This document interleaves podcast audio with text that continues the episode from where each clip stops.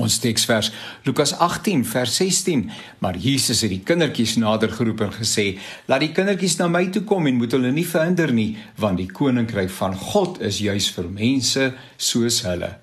My Jesus het my mooi gemaak. Hy het my baie baie mooi gemaak. So sing die kinders.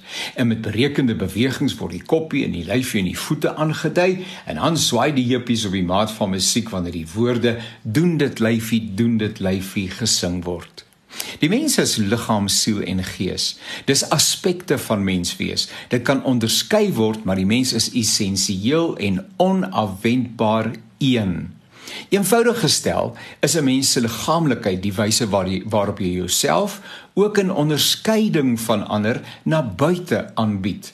Tereg vra ons die vraag: Nou hoe lyk hy? Hoe lyk sy? En dan beskryf iemand anders vir ons daardie persoon op grond van daardie persoon se fisieke en uiterlike hoedanighede.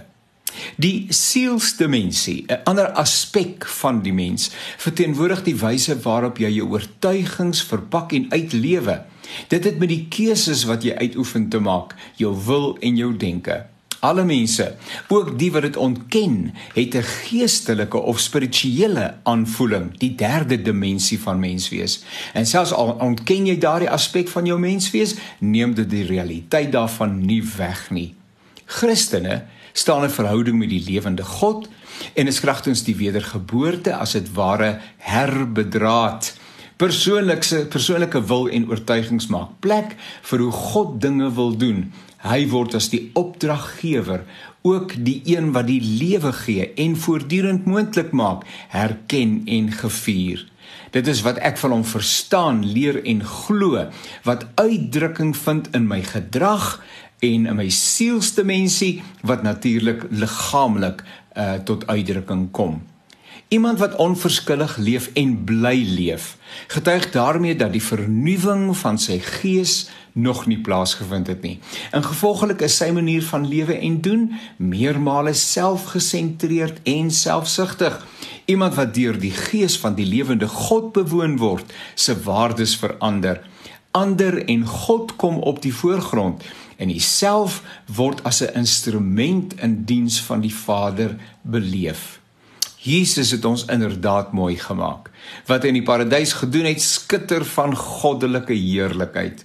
Ongelukkig neem die bose nie genoeg met dit wat mooi en goed is nie. En hy bring die sonde in die wêreld om iets van die huweliksformulier aan te haal. Die uitwerking daarvan sien ons grafies uitspeel in ons wêreld, al die stikkend en gebrokenheid. Ons moet terugkeer na God se oorspronklike bedoeling in iets van ons eie mooiheid, eintlik ons goddelike mooiheid herontdek, koester en uitleef. Geestelik dit word dan herlei na die na die sielsdimensie en dit vind uitdrukking in ons liggaamlikheid. En daar sien mense dat God ons holisties volledig mooi gemaak het.